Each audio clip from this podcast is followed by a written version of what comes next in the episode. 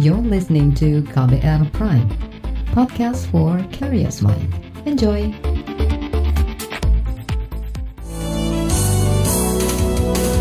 Terbaru di Buletin Pagi.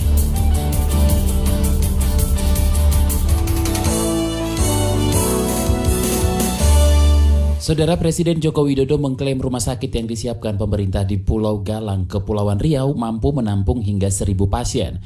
Dalam kunjungannya ke rumah sakit darurat ini kemarin, Presiden memastikan seluruh sarana dan prasarana bisa digunakan mulai pekan depan. Ya semuanya ini kan semuanya ini memang kita rencanakan dan kita siapkan.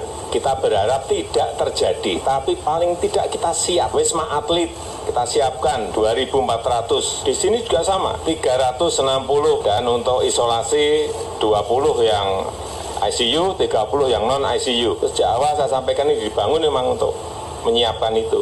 Sebelumnya pemerintah memodifikasi Wisma Atlet di Kemayoran Jakarta menjadi rumah sakit darurat penanganan COVID-19. Rumah sakit darurat itu diklaim bisa menampung dan menangani 3.000 pasien positif COVID-19.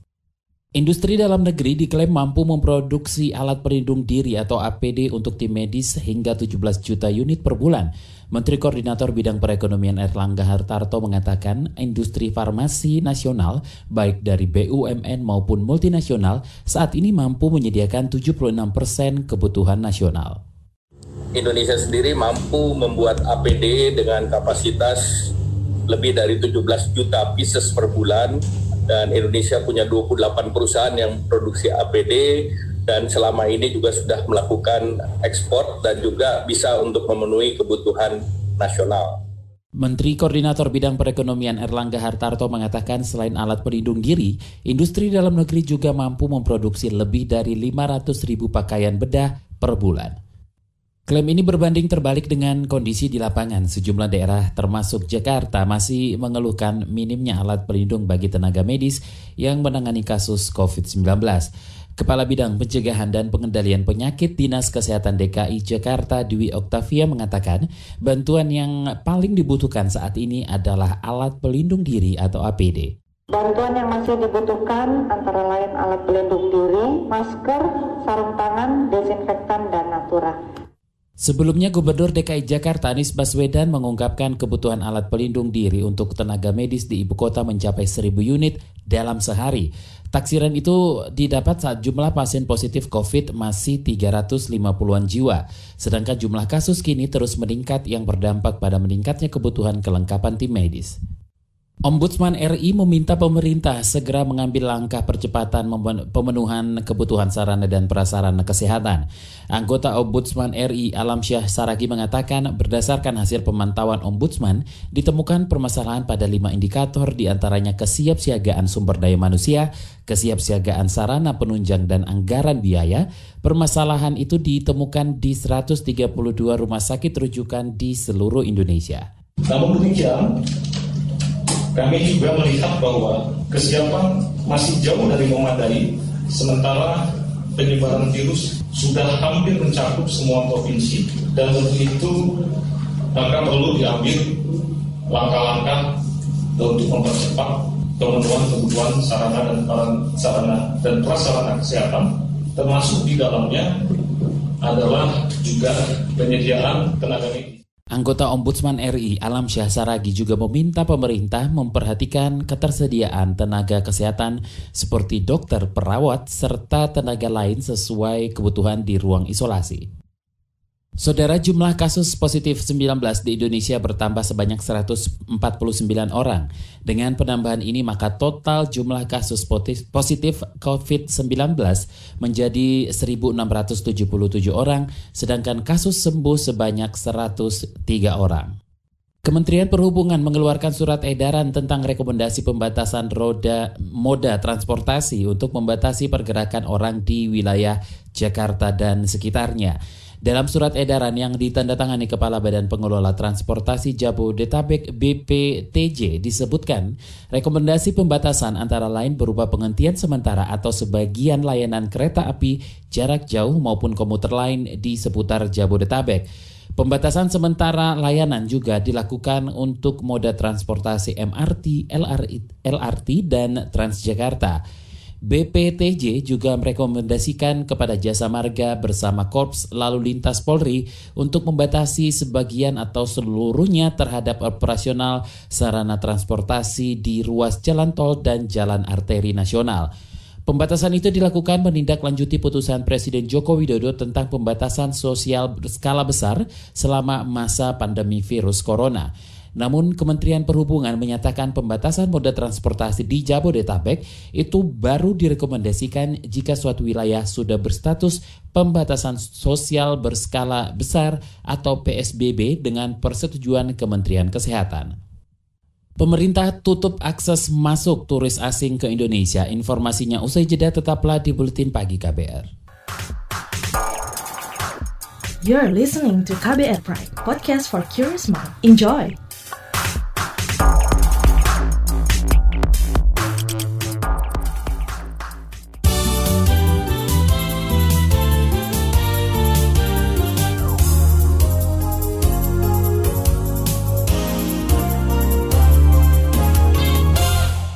Saudara, pemerintah berencana memodifikasi mesin tes cepat molekuler atau TCM di berbagai rumah sakit dan puskesmas untuk mempercepat pemeriksaan virus corona. TCM selama ini digunakan untuk mendeteksi kuman. TBC, juru bicara pemerintah untuk penanganan COVID-19, Ahmad Yuryanto mengatakan perubahan mesin akan dilakukan pekan depan mesin pemeriksaan TB TCM yang selama ini sudah tergelar di lebih 132 rumah sakit dan kemudian di beberapa puskesmas yang terpilih untuk kita konversi agar mampu melaksanakan pemeriksaan COVID-19 tentunya dengan mendatangkan cartridge yang memang disiapkan khusus untuk ini dan kita harapkan pada hari ini paling lambat besok juga sudah mulai masuk cartridge untuk melakukan uji coba mesinnya. Juru bicara pemerintah untuk penanganan COVID-19 Ahmad Yuryanto mengatakan mesin TCM harus disetel harus disetel ulang maksud kami agar bisa memproses tes COVID-19. Yuri mengatakan perubahan ini cukup rumit. Otoritas keimigrasian menutup akses masuk bagi turis asing mulai hari ini. Pelaksana tugas Dirjen Imigrasi Joni Ginting mengatakan, larangan masuk atau transit di Indonesia dibuat untuk mencegah penyebaran COVID-19 di wilayah Indonesia.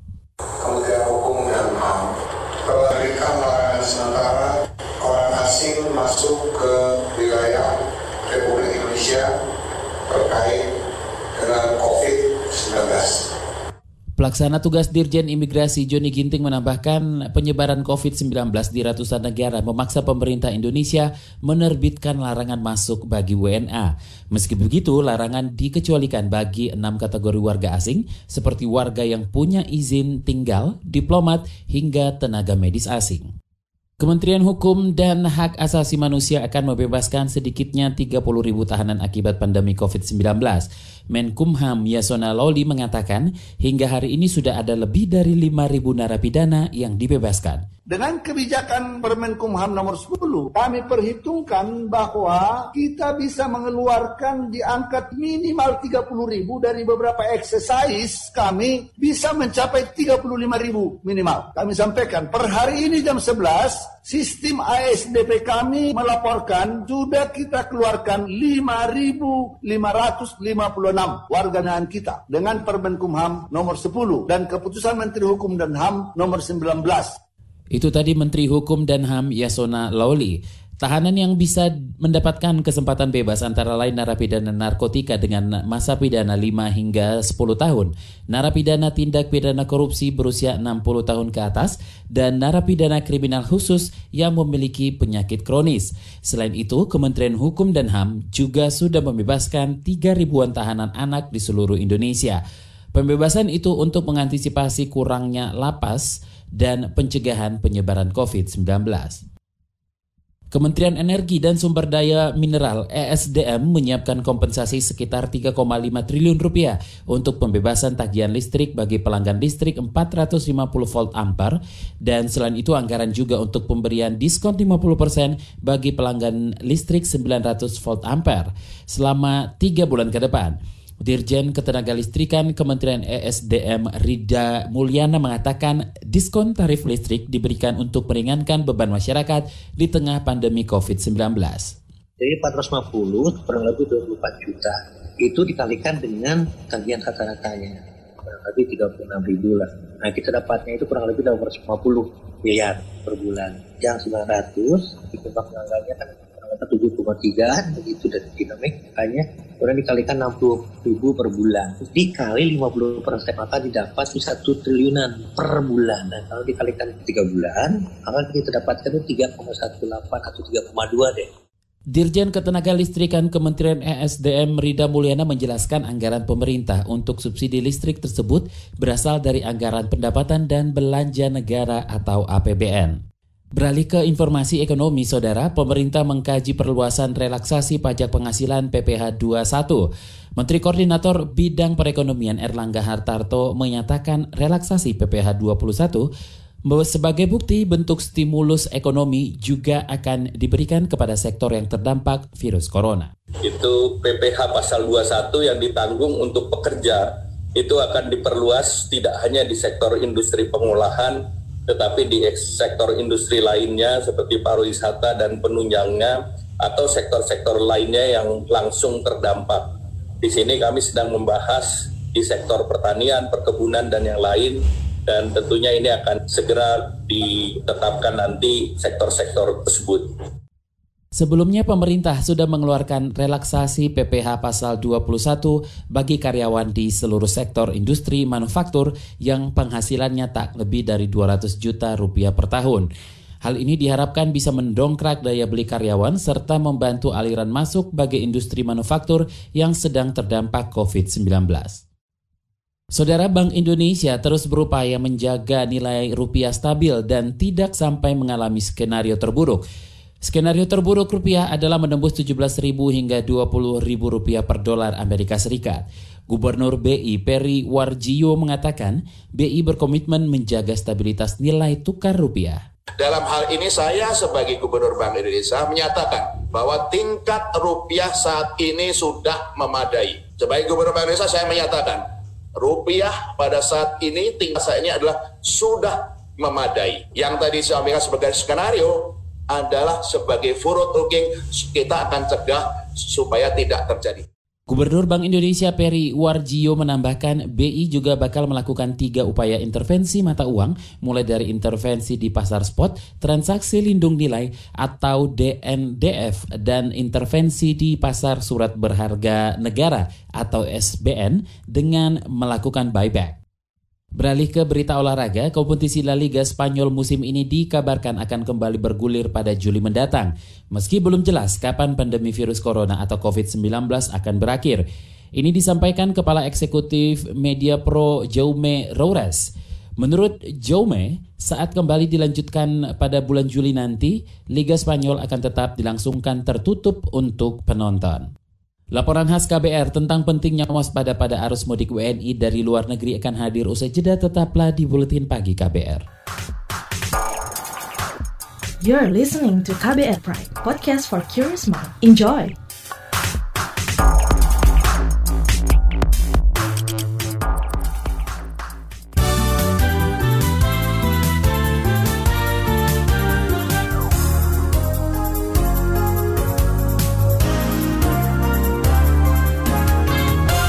Anda sedang mendengarkan Buletin Pagi, saatnya kita simak laporan khas KBR.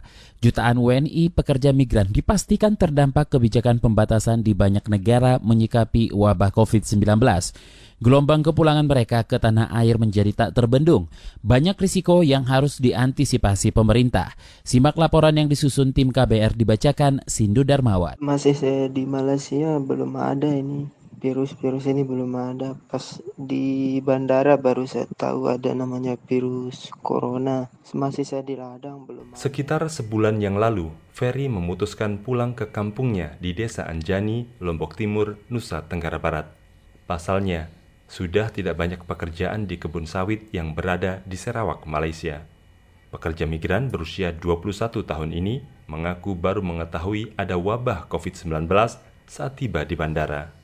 Sesampainya di desa, ia menyandang status orang dalam pemantauan atau ODP dan harus menjalani karantina selama 14 hari di rumah. Ada juga dokter pergi sini juga kami punya kadus ini kan kepala kampung yang anu yang baru-baru pulang pulang merantau itu langsung dicek Dari sana sudah kita tahu kita tidak positif lah kena itu virus dan alhamdulillah lah masih tetap sehat walafiat. Ferry kini menganggur karena akses pintu masuk dan pekerjaan di negeri jiran praktis tertutup imbas wabah corona. Ia mengandalkan sisa tabungan hasil mengais rezeki selama lebih dari dua tahun. Saya tidak kerja juga ini, masih duduk-duduk di rumah saja. Jarang keluar saya, jarang bergaul lah sekarang. Pasal ini virus ini yang bikin takut semua orang sini juga. Kami juga sini diperhatikan juga sama kadus kami sini dilarang kelompok keluyuran di luar lah disuruh diam-diam banyakkan Ferry mulai cemas dengan nasib ke depan jika wabah ini tak segera berlalu. Apalagi ia harus memutar otak untuk membiayai pendidikan saudaranya.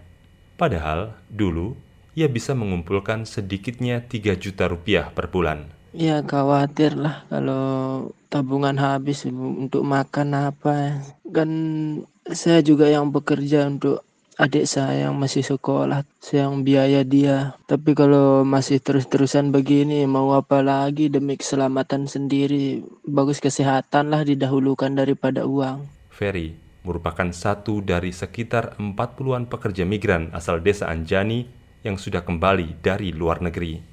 Mayoritas memutuskan pulang karena terdampak kebijakan pembatasan di negara tempat bekerja. Menurut Nendi Wahyu dari Advokasi Buruh Migran Indonesia Lombok Timur, masih ada ratusan warga Anjani yang bakal segera pulang dari perantauan. Nendi bersama perangkat desa setempat telah menyiapkan protokol kesehatan untuk memantau para ODP. Salah satunya dengan memperkuat edukasi warga. Mengedukasi keluarga dari uh, eh, ODP yang baru pulang dari luar negeri sehingga itu uh, cara untuk bagaimana meminimalisir sehingga untuk berhubungan uh, sentuhan kemudian uh, kamar yang disediakan juga khusus khusus oleh keluarganya sendiri sehingga untuk semua barang dan segala macamnya yang sudah dipegang oleh ODP sendiri dibatasi dan diberikan keluar. Nendi meminta pemerintah memperhatikan nasib para pekerja migran yang terancam menjadi pengangguran selama masa pandemi. Terlebih, warga setempat sangat mengandalkan penghasilan dari bekerja di negeri orang. Saya rasa itu menjadi permasalahan awal sih, permasalahan mendasar yang nantinya bisa menimbulkan permasalahan baru. Karena kalau habis itu kemudian mereka berpikir berangkat lagi dan remiten atau hasil gaji yang dikirim itu habis untuk eh, masa-masa karantina dan masa-masa mereka ada di sini untuk mencari pekerjaan dan segala macam. Pemerintah mewaspadai gelombang kepulangan WNI terutama dari Malaysia yang bisa mencapai satu juta orang lebih. Presiden Joko Widodo mengklaim penanganan arus mudik WNI tetap mengutamakan perlindungan keselamatan seluruh warga. Jokowi meminta kepala daerah ikut mengawasi proses isolasi mandiri warga yang berstatus ODP. Sejumlah tempat juga telah disiapkan untuk karantina warga yang mengalami gejala mirip COVID-19. Kemudian yang lain juga yang berkaitan dengan program bantuan sosial yang perlu kita berikan.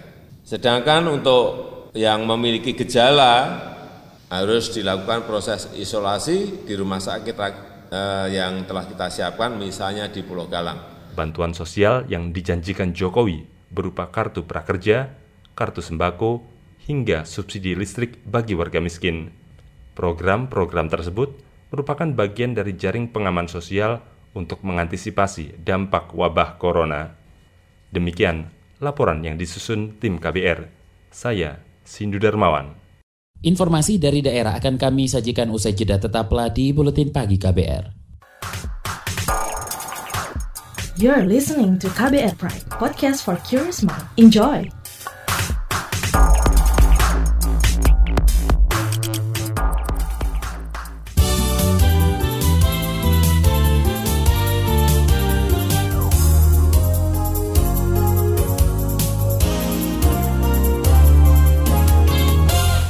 Inilah bagian akhir buletin pagi KBR. Kita ke Jawa Tengah. Lebih dari 40 narapidana di Pulau Nusa Kambangan Cilacap akan dibebaskan sebagai salah satu upaya pencegahan dan penanggulangan COVID-19.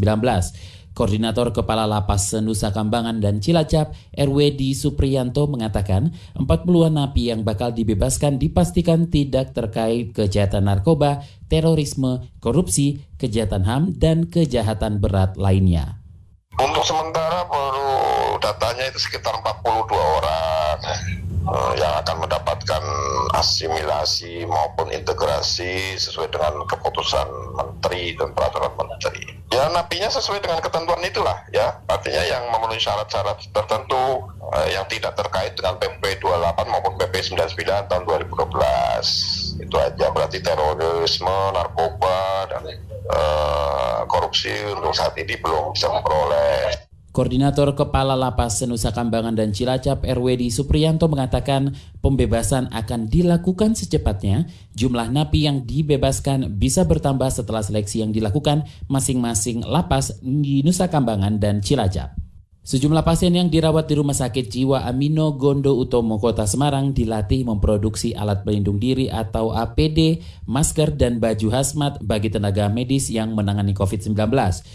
Direktur RSJ Amino Gondo Utomo Alex Justran mengatakan pengelola RSJ berinisiatif melakukan itu lantaran langkanya APD di rumah sakit serta sebagai bentuk terapi pasien selama rehabilitasi sebenarnya berangkat dari keprihatinan dua minggu atau tiga minggu yang lalu bahwa situ kepastian stok APD rumah sakit kan tidak jelas. Ada sebagian pasien yang dalam kondisi dalam tahap terapi pekerjaan itu kan itu kan ada keterampilan menjahit. Akhirnya kita sepakat coba diarahkan untuk membuat masker dan has, hazmat. Menurut Alex, dalam sehari pasien di RSJ di Kota Semarang mampu memproduksi 50 masker dan 10 baju hazmat.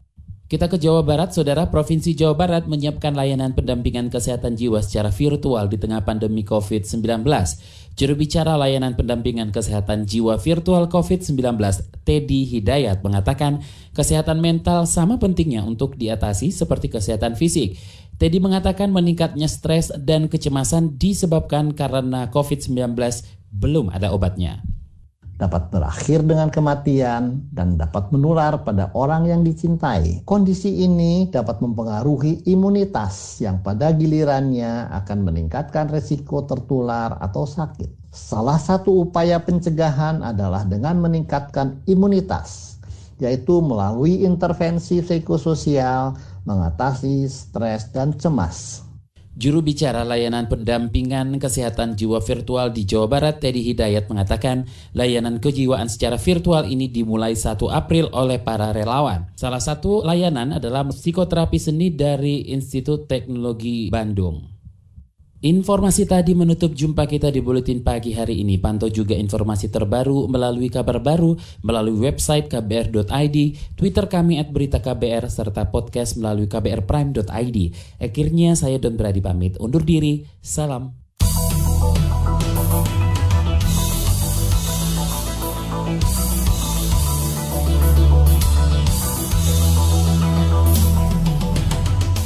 KBR Prime, cara asik mendengar berita. KBR Prime, podcast for curious mind.